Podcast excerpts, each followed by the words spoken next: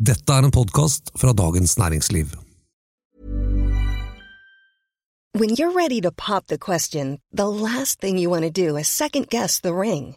At Bluenile.com, you can design a one of a kind ring with the ease and convenience of shopping online. Choose your diamond and setting. When you find the one, you'll get it delivered right to your door. Go to Bluenile.com and use promo code LISTEN to get $50 off your purchase of $500 or more. That's code LISTEN at Bluenile.com for $50 off your purchase. Bluenile.com code LISTEN. Hey, I'm Ryan Reynolds. Recently, I asked Mint Mobile's legal team if big wireless companies are allowed to raise prices due to inflation. They said yes. And then when I asked if raising prices technically violates those onerous two year contracts, they said, What the f are you talking about, you insane Hollywood ass? So to recap, we're cutting the price of Mint Unlimited from $30 a month to just $15 a month. Give it a try at mintmobile.com slash switch. $45 upfront for three months plus taxes and fees. Promo for new customers for limited time. Unlimited more than 40 gigabytes per month. Slows. Full terms at mintmobile.com. Denne uken har strømprisene skutt i været igjen, og det er høyst uklart hvordan regjeringen har tenkt å løse de problemene. Og Danmark har fått en rød-blå regjering. Er det overhodet mulig å tenke seg i Norge? Dette er den politiske situasjonen. En podkast om politikk fra Dagens Næringsliv med politisk redaktør Fridtjof Jacobsen og meg, kommentator Eva Grunde.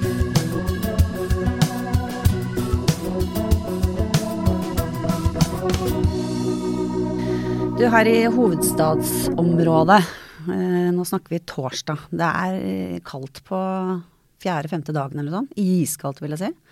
Tror du vi skal få det sånn utover i vinter nå, eller? At liksom Frp og Rødt eh, hisser seg illsinte opp hver eneste gang eh, gradene synker litt nedover? Ja, det kommer litt an på hvor det er kaldt. ja. Ja. For, For nå har det jo blitt kaldt over hele landet. Eller i hvert fall høye priser over hele landet. Ja, og, men det som gjør at strømprisene blir så avsindig høye som de har vært noen dager nå, det er jo at det i tillegg er kaldt i Europa. Ja, ikke sant? Eh, og på toppen av at det er kaldt, så er det lite vind. Så det blir ikke noe vindkraft. Og da blir det jo selvfølgelig en enorm etterspørsel etter energi.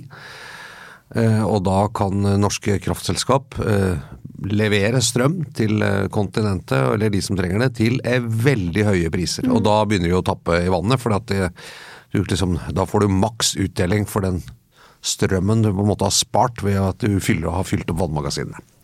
Ja, men Og da går prisene i Norge i taket. Ja, det er det. Eh, nå garanterer fortsatt regjeringen for at disse vannmagasinene skal holde seg ja, i hvert fall ikke gå helt tomme i løpet av vinteren. Da. Sånn, at, sånn som dette skrekkscenarioet med at vi må begynne å rasjonere til våren og sånn. Eh, hvordan de helt kan garantere det, er litt uklart, men eh, Nei, og her, her, her er vi jo inne i en sånn ganske eh, litt rotete ting i debatten om strøm og politikk. ja. Fordi at eh, eh, Terje Aasland, eh, olje- og energiminister fra Arbeiderpartiet, han var på Politisk kvarter denne uka. Og var ganske grundig på, han sa at men i Norge så er det et problem vi ikke har, nemlig vi har nok strøm til at vi har nok å le gjennom vinteren. Altså vi har så vi klarer oss. Vi kommer ikke til å mangle strøm, og vi kan også håndtere de timene på året hvor det er absolutt mest behov for å levere mest mulig strøm samtidig. Det har vi sørget for gjennom systemet og gjennom eh, at vi har nok vann i magasinene. Ja, og det var han også veldig sånn opptatt av å fortelle at politikk virker. For det er ikke noe tvil om det at her har jo regjeringen vært aktiv på, på strømprodusentene, ikke sant. På eh, at eh, å, å ikke bruke opp det vannet. La det være igjen litt sånn. La det være igjen litt. Og det presset har fungert. eh, Ikke bare fordi de er sensitive for politisk press, men også fordi det har vært lurt også fra deres ståsted å ikke gå tomme. Og det ser man jo nå, altså, den strømmen kunne de jo kanskje solgt da i juni, juli, september for hva, to-tre kroner kilowattimen. Nå kan de jo selge den for fem, seks, sju. Ikke sant? Så Det det lønner seg også. Eh, pengene de tjener på det går riktignok rett inn i statskassen da, gjennom dette høyprisbidraget, men det er, men det er en annen ting. Men, men, men eh, ikke alle, men, men det er på en måte sånn ikke sant? Aasland snakker veldig om jeg har sørget for at vi ikke kommer til å gå tomme for strøm i vinteren. Det er ikke lenger noe reell fare for at vi skal rasjonere. Eh, I Sverige for eksempel er det annerledes. I Sverige er de nå avhengige av import eh, for å kunne klare seg antageligvis i vinter når det, når det kreves som mest strøm. Og det gjelder også andre land. Eh, Den importen vil jo komme fra Norge stort sett, da. kanskje også fra Nord-Norge og Midt-Norge. Eh, Men Norge og Nord-Norge. ja, ja, ikke sant? Men, men altså fra de regionene hvor det ikke har vært så høy strømpris. Er Derfor så har vi også nå sett at strømprisen har gått eh, rett til værs også i, i Trøndelag, og, eller Midt-Norge og Nord-Norge, hvor det jo har vært lave priser stort sett hele tiden. Men, men den politiske debatten handler jo ikke så mye om at det er sånn, Hvis Aasland og regjeringen sier ja, men vi har vært så flinke, så nå har vi faktisk nok strøm til vinteren, tror jeg folk sier ja, selvfølgelig har vi det. Problemet er at den er så dyr. Ja, det er akkurat det. Eh, og hva har du tenkt å gjøre med det? Eh, det-? Og da kom den debatten opp igjen. Ja, og, den, og, og men jeg bare, det, det er lett å se for seg at det kan bli ganske sånn heftige svingninger i den debatten. Det er ikke lenge siden det var omtrent gratis strøm. Det er bare noen uker siden. Par uker siden eller noe sånt. Eh, ikke sant? Eh, sånn at, eh, og, og så har vi da den situasjonen vi har nå, med 8-9-10 kroner kilowattimen. Eh, mange eksempler på enkeltmennesker og bedrifter som, som regner på det og finner ut at de sliter, og de sliter i hvert fall big time hvis dette fortsetter. ikke sant? Og dermed så har du Sylvi Listhaug og Mimir Kristiansson og, ikke sant, på med huggtennene. Eh, og med veldig gode argumenter. Eller det er jo fryktelig vanskelig for en regjering som Arbeiderpartiet, Senterpartiet, som jo, som vi alle vet, har gått til valg på å gjøre verden og livet bedre for vanlige folk. Og denne strømprisen er et problem for veldig mange vanlige folk. Så kommer de til å stå stødig i den eh, i den politikken de har lagt seg på, nemlig at vi skal ikke drive og røske opp i det samarbeidet med Europa, f.eks., som jo nå kommer opp igjen. Sylvi Listhaug f.eks., nå senest på det samme Politisk kvarter, mener at liksom storparten av problemene skyldes det at vi bygget de to siste kablene som vi aldri skulle ha gjort. Eh, så da er spørsmålet liksom hva gjør regjeringen? Skal de stå på det og si tøff løkk, det kommer til å bli dyrt, noen bedrifter kommer til å gå under, eh, dere må klare dere. Sånn som de har prøvd å stå i det fram til nå, eller vil de bre brekke?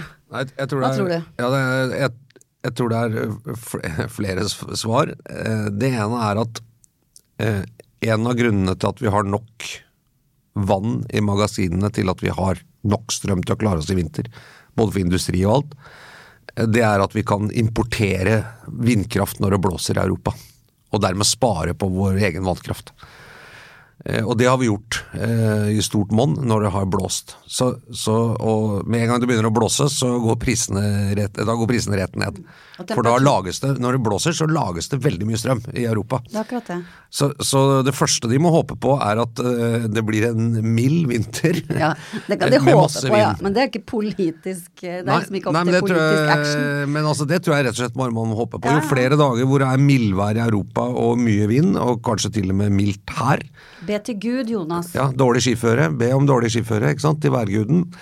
Eh, jo færre eh, perioder med veldig høy strømpris vil vi ha, og dermed så vil det politiske presset bli lavere. Så det er liksom det første, men det kan de ikke gjøre så mye med, det er riktig. Men, men det er klart, hvis vi hadde kutta kablene, eh, så hadde vi ikke kunnet få inn den billige vindkraften, vi, og den trenger vi, liksom, egentlig, Ja, når den fins. det. Så derfor så tror jeg at man ser at systemet vil, vil eh, vi, tror jeg i hvert fall vurderingen er, vi tjener mer på det enn det vi taper på noen få perioder med, med dyr strøm. eh, Fordi vi kan eh, det sikrer at vi har nok på egen kjøl. Så jeg tror det systemet og den import-eksport-vekslingen og sånn, det kommer til å overleve. Så spørsmålet er hva slags støtteordninger er det de kan spa opp på? Når skal de tre i kraft, og hvordan? Ja, og her, her er det jo en merkelig ting, Eva, fordi at strømstøtteordningen til husholdninger gjør at når prisen går på en måte fra to kroner til fem kroner, eh, så eh, er jo det helt ufattelig dramatisk, selvfølgelig, for hvis du måtte betalt alt sammen selv, men med den strømstøtten som gjør at 90% av alt over 70 øre blir betalt av staten, så, så er det egentlig ikke så mye man merker av det. Man merker det, og hvis man lever helt på marginen, så vil det selvfølgelig være et problem. Men det er jo ikke sånn at du, at du liksom får flere tusen kroner mer å betale en måned eh, for en vanlig husholdning. Så den strømstøtteordningen, den, Den den skjermer folk mot, del, mot det meste av disse prisene. Men det virker ikke helt som folk har fått med seg det. Nei, og, der, og der, der, der må liksom regjeringen gjenta seg selv gang på gang. Og de har rett, i ja det er en veldig god ordning eh, for forbrukerne. Eh, det man kan selvfølgelig Altså, et av argumentene for å ikke eh, spa opp en veldig sjenerøs eh, ordning for bedriftene, det er jo at at det, grunnen til at prisen er høy, er, er at strøm er en mangelvare. Det er, at det er lite av den. Så hvis man, hvis man, bare gjør det veldig mye billigere å bruke mye strøm, så vil jo ikke det hjelpe på forsyningen av strøm. Sånn at eh, eh, Det er jo noe av grunnen til at man eh, også sier at man må tilpasse seg dette høye nivået framfor å hele tiden bare bøte på det. ikke sant? Og det samme gjelder jo for så vidt for husholdningene. Men den kritikken kommer det, Der er alle enige, på en måte. At den støtten, eller alle enige, det virker som det er bred enighet om det.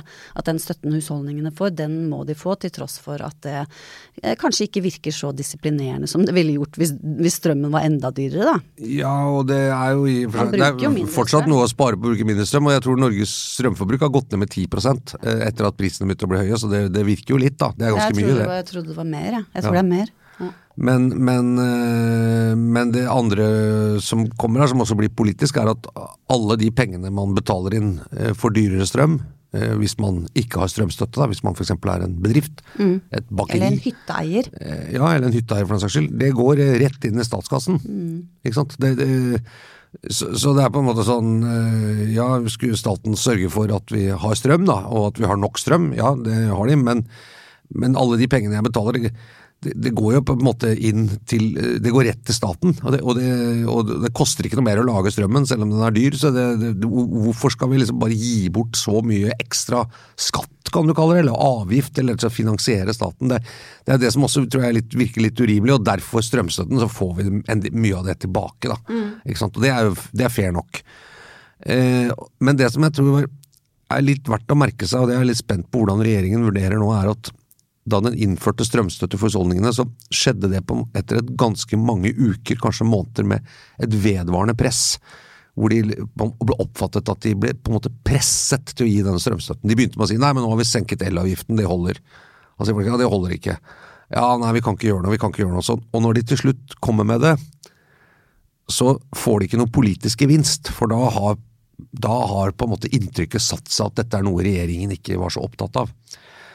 Og når de da først kommer med en ordning som er veldig bra, så, så får de ikke noe premie for det hos velgerne. Det ser i hvert fall ikke ut som de har nei, gjort. De får ikke premie hos vel... Premie for, nei, det er sant, i, i form av støtte at vi vil stemme på dere osv. Men ellers så er, det jo, så er det jo også uh, klart at de som høres uh, høyest her, er jo opposisjonen som, uh, som, også har all mulig interesse av å liksom spille ned hva de har fått til med denne strømordningen. Da. Jeg tror de fleste som følger med på regninga si, ser ser jo faktisk hvor stor den andelen er. Det går an å se det på fakturaen, i hvert fall på noen av fakturaene. Det, diskuterte vi her på et morgenmøte, det, var, det er litt forskjell på dem. Ja, men jeg, jeg, tror en, jeg tror fortsatt det er nok en utbredt oppfatning hos mange at, er, at husholdningene er mye mer eksponert for disse strømprisene enn det vi egentlig faktisk er hvis, hvis du tenker på hvor store inngrep de gjør i, i lommeboka di. Jeg tror f.eks. dyrere mat og andre sånne generelle prisstigninger tar vel så mye kjøpekraft inn fra deg som, som, det, ja. som strømregning etter strømstøtte for, for, uh, for en del husholdninger. Er selvfølgelig, hvis du bor i et stort hus eh, som, eh, og, og, ikke har veldig god råd, det er veldig dyrt å fyre opp det huset, og du gjør det stort sett på strøm, så, så vil det bli en del. Men hvis du bor i en et sånn litt mer moderne hus eller, eller en leilighet og sånn, så, så, vil det ikke bli så mye. Men, det, men det, jeg, jeg, sier det fordi at neste skritt er jo at hvis, hvis vi får vedvarende veldig høye strømpriser gjennom vinteren, så tror jeg det er ganske mange små og mellomstore bedrifter som ikke vil klare seg. Ja. Og da vil det bli lagt ned. Hadeland glassverk har vi hørt om. Den, den, bedriften betyr en del der oppe hvor den ligger, eh, liksom på Jevnaker. Eh, det, det, er, det, er, en viktig bedrift der. Så hvis den må stenge og sier at det er fordi vi ikke har råd, vi klarer ikke å betale strømregningen, så går ikke rundt, så, så, så, blir det fort politisk. Det samme gjelder butikker, bakerier, øh, ikke sant, renserier alle mulige helt sånn vanlige, kanskje små bedrifter med to, tre, fire, fem ansatte, ikke sant, som plutselig så forsvinner hele inntjeningen eller lønna deres i strømregning. Det er det de frykter, ikke sant. Ja. Og med rette, hvis la oss si det er fortsatt vindstille en lang stund, kaldt, vindstille og kaldt i Europa og iskaldt her, så, så, blir, det, så blir, det, tøft. Um, sånn at eh, det er, det er jo som vi begynte med å si, at man håper på, håper på gunstig værforhold. Men fordi jeg lurer på liksom hvor politisk mulig det er for de Altså Vestre, eh, altså næringsminister eh, Jan Christian Vestre, han har jo vært ganske sånn eh, tøff, egentlig, i, i, i, hvordan han har snakket om dette her. At det, det, er noe, det, er ikke noe, menneskerett å bli reddet av staten selv om liksom ytre faktorer, selv om innsatsfaktorene, eller hva man kaller det, ting som man må betale for for å få bedriften til å gå rundt. Hvis det blir for dyrt. Eh, da må man tilpasse seg, ikke sant. Må, det, du, du kan, ikke, kan, ikke, bare regne med da en sånn eh, redningsaksjon fra staten. Og, og så har, har, vi hatt hele den debatten om ikke man har blitt altfor godt vant etter eh, pandemien. Hvor, hvor liksom det ble, det ble nærmest eh, en slags rettighet å få ting kompensert. For eh, men så er spørsmålet liksom, hvor, hvor, mye tåler det? Altså, foreløpig så er det jo mest Foreløpig så er jo arbeids... Eh, så er det ikke konkurser å, å snakke om, liksom. Det er mer redsel for det. Og begrunnet, og regnestykker for neste år og sånne ting. Men hvor Hvis det først begynner å slå inn, liksom.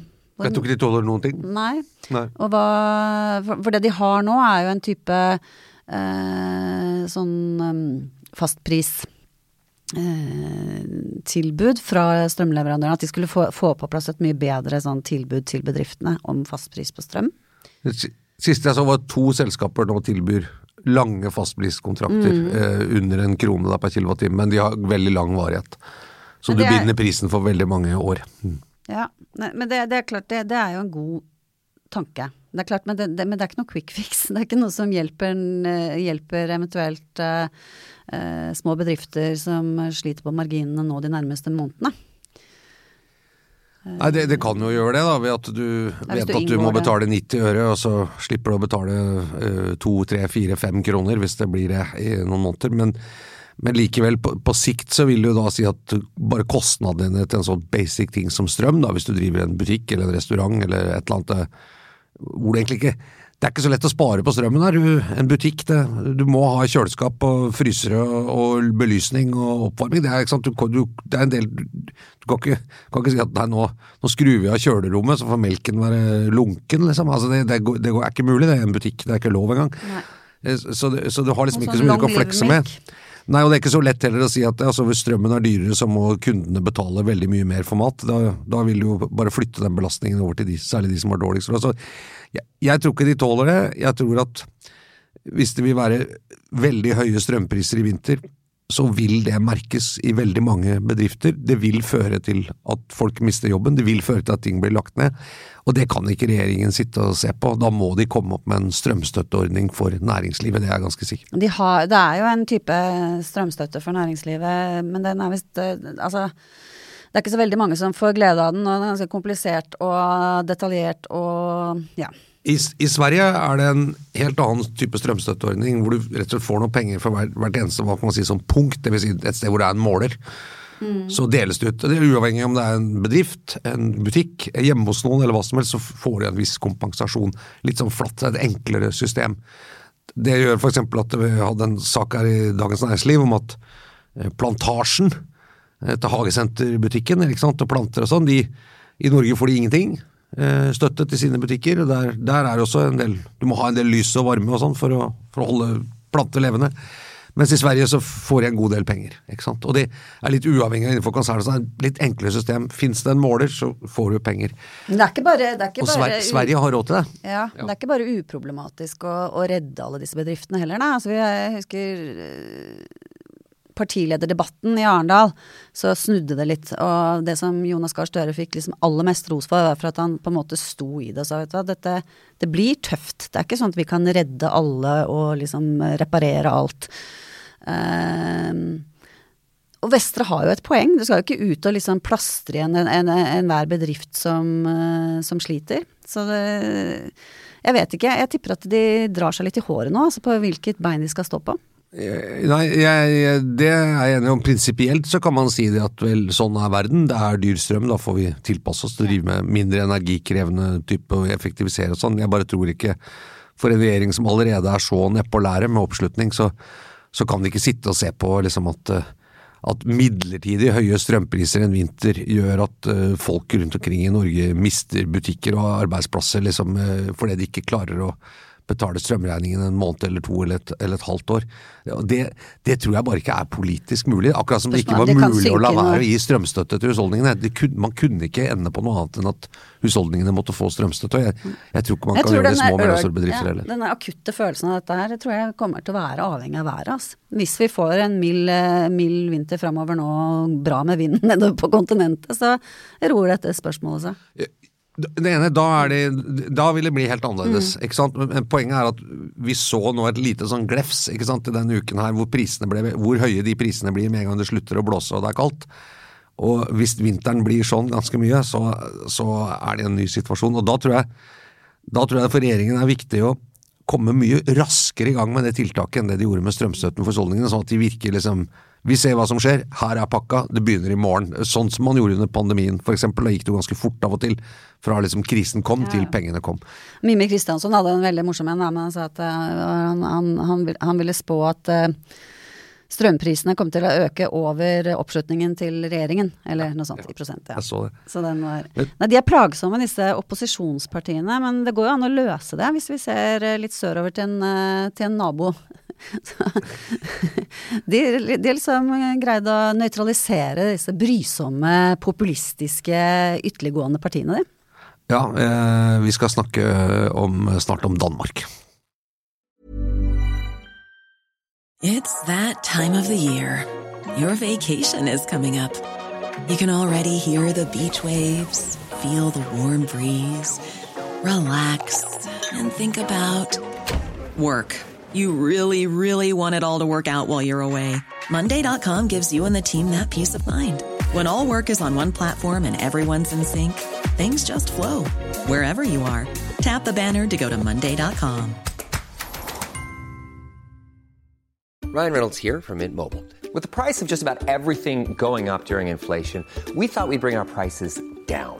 So to help us, we brought in a reverse auctioneer, which is apparently a thing. Mint Mobile unlimited premium wireless. Ready to get 30, 30, bit to get 30, bit to get 20, 20, 20, bit to get 20, 20, bit to get 15, 15, 15, 15 just 15 bucks a month. So, Give it a try at mintmobile.com slash switch. $45 upfront for three months plus taxes and fees. Promo rate for new customers for limited time. Unlimited more than 40 gigabytes per month. Slows. Full terms at mintmobile.com. When you make decisions for your company, you look for the no brainers. If you have a lot of mailing to do, stamps.com is the ultimate no brainer. Use the stamps.com mobile app to mail everything you need to keep your business running with up to 89% off USPS and UPS. Make the same no brainer decision as over 1 million other businesses with stamps.com. Use code PROGRAM for a special offer. That's stamps.com code PROGRAM. De skal vi, ja for fanden!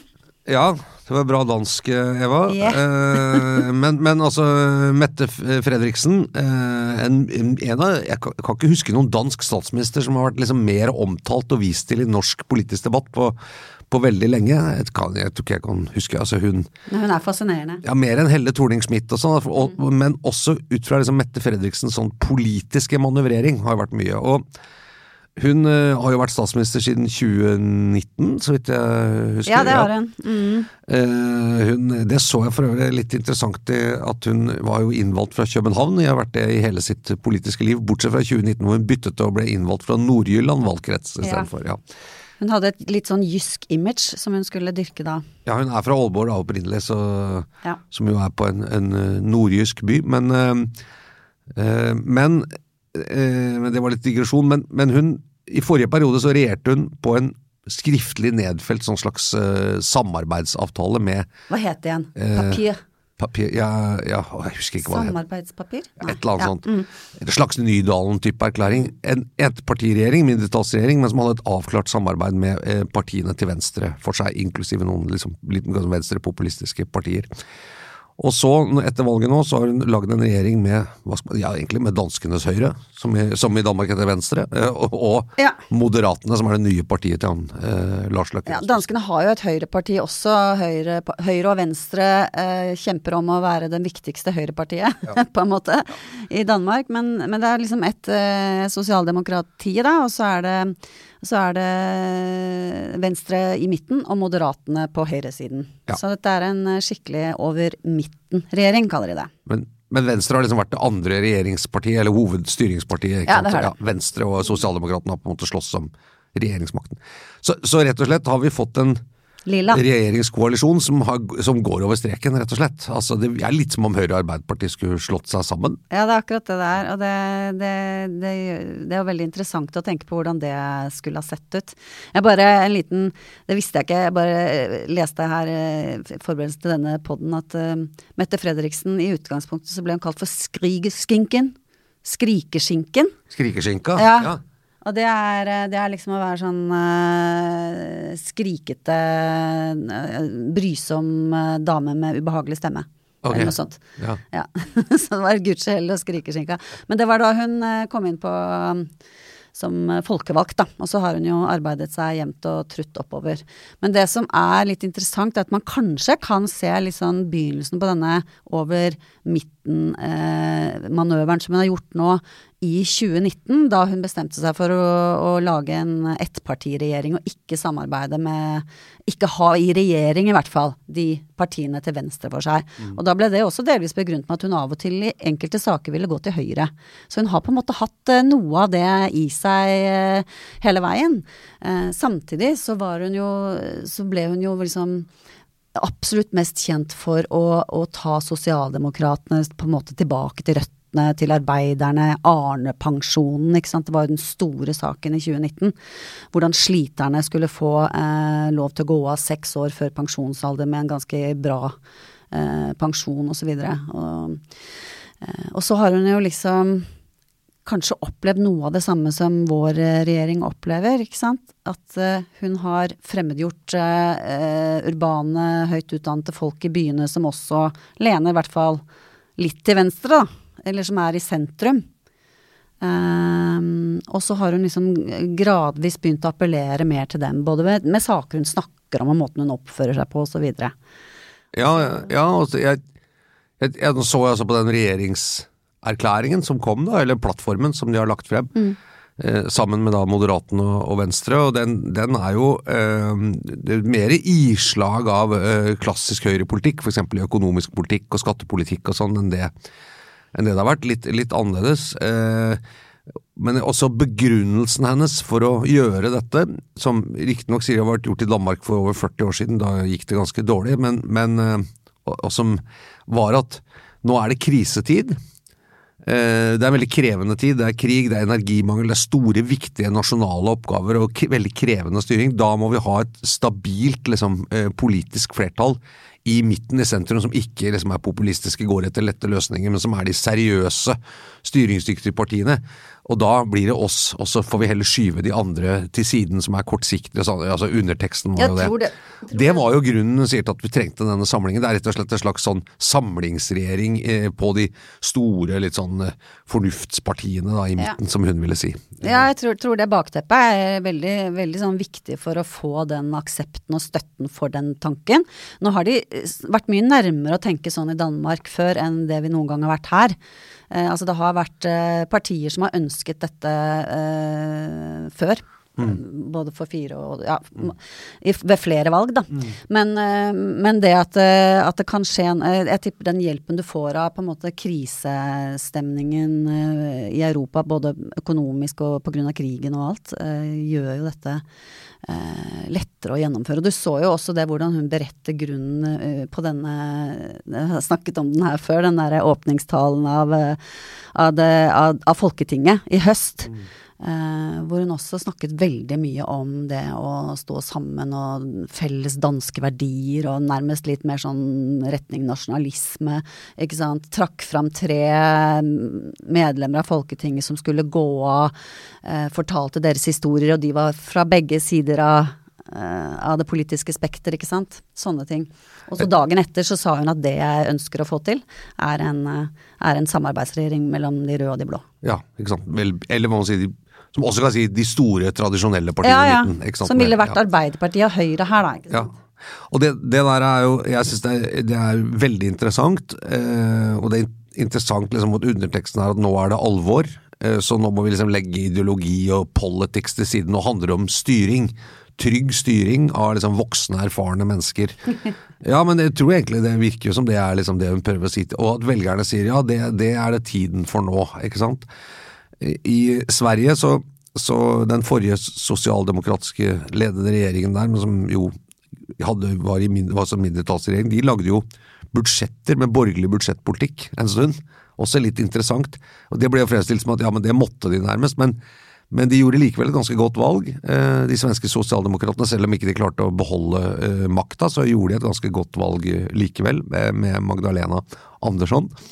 Og det der er en sånn det der er jo en helt annen hva skal si, politisk sånn manøvrering og pragmatisme og forsøk på å tenke at okay, krisen har forandret hele den politiske tidsånden, så nå legger vi vekk på en måte alle de tingene som skiller oss fra Høyre, og prøver heller å si at det er mer som binder oss sammen. Veldig annerledes enn det Arbeiderpartiets retorikk har vært her, hvor de har kjørt opp liksom fordeling og skatt og disse spørsmålene som klassisk skiller høyre- og venstresiden, i et forsøk på å gjøre skillelinjen mye tydeligere, og resultatet er jo at de har sunket som en stein. Da. Ja, gå videre til å se på den situasjonen i Norge, om det er mulig her, men så tenker jeg også at det, nettopp det med pragmatisme, ikke sant. Altså eh, eh, Mette Fredriksen måtte jo, hun ble jo tvunget til å, til å sette i gang nyvalg. Eller hva, hva kaller man det? Altså arrangere et valg. Skrive ut nyvalg. Mm. Eh, og det var jo av en ganske heftig skandale da hun beordret eh, å drepe hvor mange millioner? 14-15 millioner? 14-15 millioner mink. Ja. Eh, under, fordi det, det, var påvist en variant av korona som kanskje kunne smitte mennesker osv. Ja. Eh, men, men eh, del av denne nye dealen med de tre som nå skal danne flertallsregjering, er jo at den saken legges død. og Eh, at Mette Fredriksen blir Altså det var hennes Det var kanskje hennes sjanse til å fortsette som statsminister. Altså hun er en eh, Hun er jo også veldig kjent for uh, å være en, en Altså vi snakker om maktfullkommenhet. Altså at hun har en ja, ganske god appetitt på på makt, og på å sitte på toppen og på å være den som eh, styrer. Ja, altså hun er, og manøvrerer, ikke sant, og, og, og, har full kontroll i partiet tydeligvis. og sånt. Så absolutt utrolig dyktig da, i, det, i den manøvreringen. Men jeg bare, jeg bare syns det er interessant hvis det fenger danskene, sier at nå er vi i en tid hvor egentlig ikke det handler så mye ideologi i politiske skiller. Sånn. Nå handler det om hvem, hvem stoler vi på kan styre landet trygt, og hvem syns vi er useriøse. Og så finner liksom de som i hvert fall har en, en oppfatning av at de er trygge, solide folk med erfaring vi finner sammen, og så parkerer de på en måte ja. alle de på siden. Det ville som å si at sant, det er Rødt og Frp sitter sammen i Politisk kvarter og hakker løs på regjeringens strømpolitikk fra hver sin kant, men det de sier er ganske likt. Eh, og det og, og, det er jo da Høyre og Arbeiderpartiet og til en viss grad Senterpartiet og Venstre sånn, som står for å beholde strømsystemet f.eks. Og, og alt dette ja, Senterpartiet her, ja. nå, ja. Altså, ja. Problemet er jo at Arbeiderpartiet har gifta seg med det partiet som fremsto som det mest populistiske av alle. Mm. Ikke sant? Altså hvordan skal de da bevare i, altså, sitt image av å være et styringsparti? E, eller, uh, ja, så den spagaten de har satt seg selv i, der ligger det jo noe. Nå, nå kommer, dette er ikke en spådom si, eller prediksjon, men det er bare, bare et tankeeksperiment. Eh, eh, er jo sånn å si at ok, eh, det går dårlig i kommunevalget til neste år. Jonas Gahr Støre finner ut og sier ja, nei, nå tror jeg jeg vil styre i en ren Arbeiderparti-regjering, men jeg lager eh, Gjør opp budsjetter, gjør opp de viktigste politiske tingene med Høyre. Fordi eh, vi er enige om mange av de viktige tingene nå, nemlig liksom Nato, eh, tilknytningen til Europa, eh, at strømsystemet skal bestå. sånn. Vi har noen ulikheter på fordeling av skatt og sånn, men, men, ellers så er vi liksom Vi er de litt sånn konservative, moderate partiene da i den norske ja. floraen. Og så bare parkerer vi de andre, eller kanskje Venstre og ja. KrF eller sånn. Private aktører ja. og skatt, der sliter de. Ja, jo, ikke sant. Ellers... Det går an. Mm. Det er jo det egentlig Mette Fredriksen har gjort. Ja, det går an. Og, da, og, hva skulle til for at det hadde gått an her? Da tror jeg man måtte også ha brukt den der eh, krisesituasjonen vi er i veldig som, sånn, eh, som et sånn bakteppe som muliggjør noe så historisk utenkelig.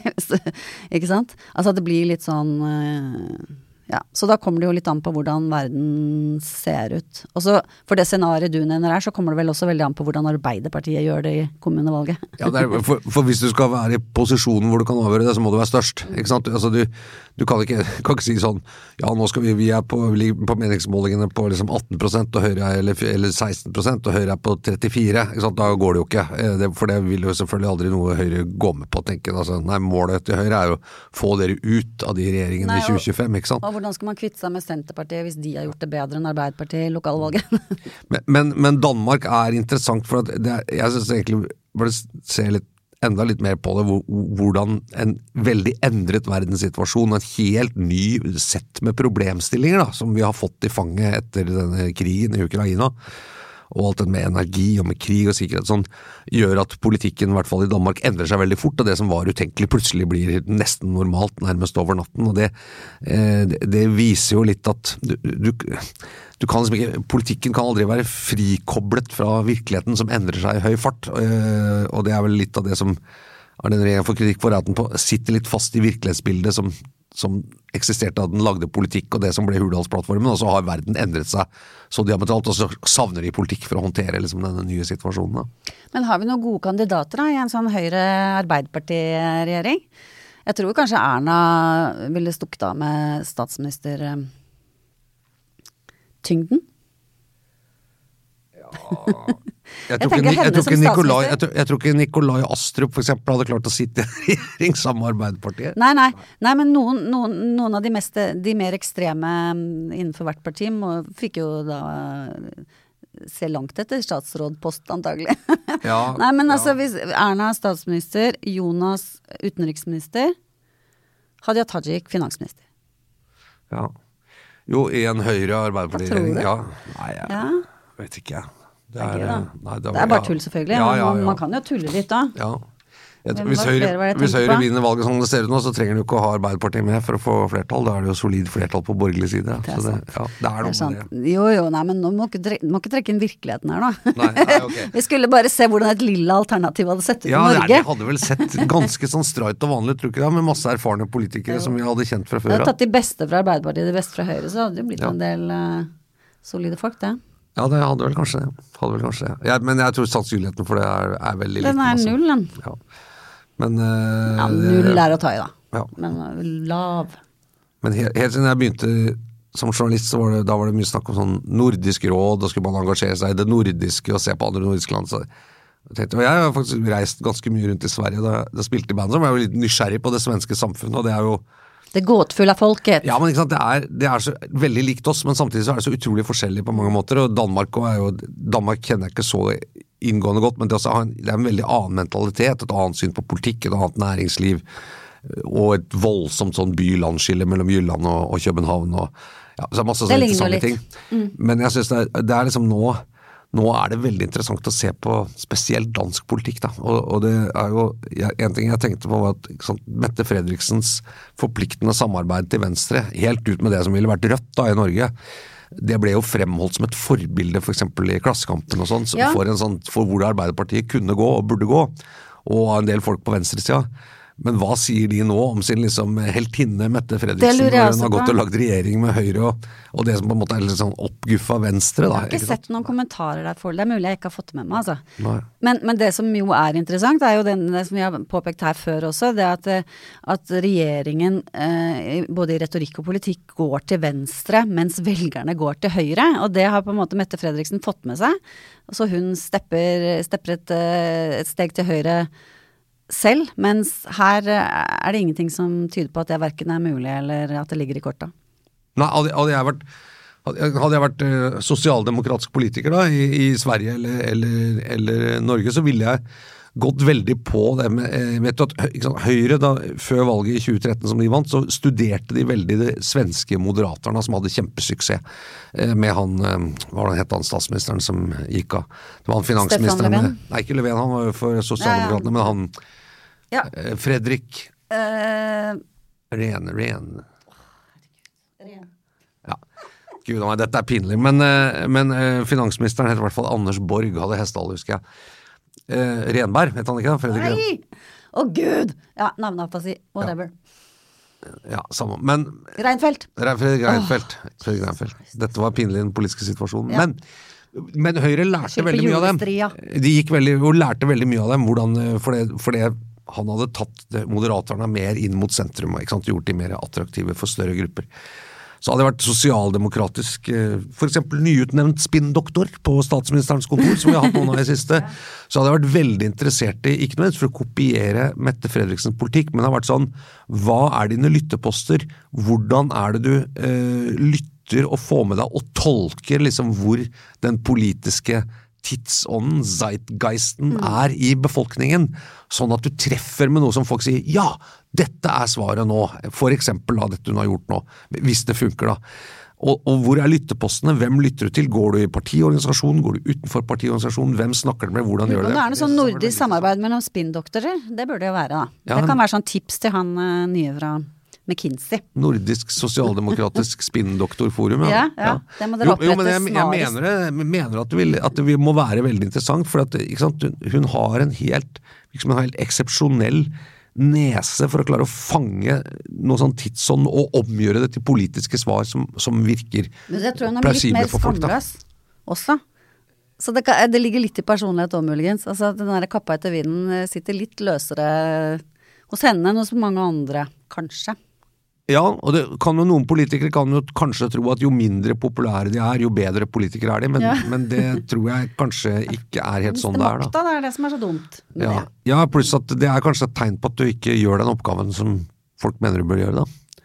I et demokrati så er, det folket som bestemmer, da. Ja, men folk er folk. Det er så mye forskjellige folk òg, Ja, det ja, det er det, gitt. vet du. Ja. ja. Ok, nå er du inne på den, var det ikke okay. Steinar Hansen som sa at vi, må, at vi trengte et nytt folk, for at ikke de egentlig vil stemme på Gro Harlem Brundtland, eller noe sånt. Ja. Ja, godt sagt. ja. Det var det vi rakk i denne ukas eh, Den politiske situasjonen. Vi er tilbake neste uke. Da, eh, da skal vi gå og høre på Jonas Gahr Støre oppsummere det siste halvåret. Det skal vi. Det er jo eh, Vi lurer litt på hvordan vi skal kle oss. Det er mulig det blir mørkt. Eh, men men eh, ja, det er en ganske sånn tradisjonell seanse for det norske pressekorpset da, i statsministerboligen. Bolin. men det blir spennende å høre hva han sier om det, eh, det må jeg si. Og da det samme greie i fjor, i desember i fjor, så varslet han jo ganske kraftig at Ukraina kom til å prege på den politiske dagsordenen i året som lå foran oss, og det hadde han helt rett i. så det blir spennende å høre hva han har å si om det nå, og hvor offensiv han er. Og så skal vi prøve å fortelle om det i en podkast så fort som mulig etterpå. Det skal vi. Og så prøver vi å lage en podkast som folk kan kose seg med, eller irritere seg over, eller et eller annet i romjulen og kanskje i nyttårshelgen også. Hvor vi Jeg vet ikke hva vi skal gjøre da. Nei, det har vi ikke egentlig snakket om ennå. Vi prøver, så er, det noe vi, er det noe vi burde snakket om i år, som ikke var snakket om før, kanskje? Et eller annet. Uh, det er det sikkert. Eller se fremover. Ja. Et eller annet. En Eh, dypsindig analyse av et eller annet blir det nok. et eller annet. Den politiske situasjonen, altså. En podkast fra Dagens Næringsliv med kommentator Eva Grinde og meg, politisk redaktør Fridtjof Jacobsen, kan høres hver uke der hvor du hører podkast. Og vi høres igjen om kun kort tid. Ha det bra! Ha det bra.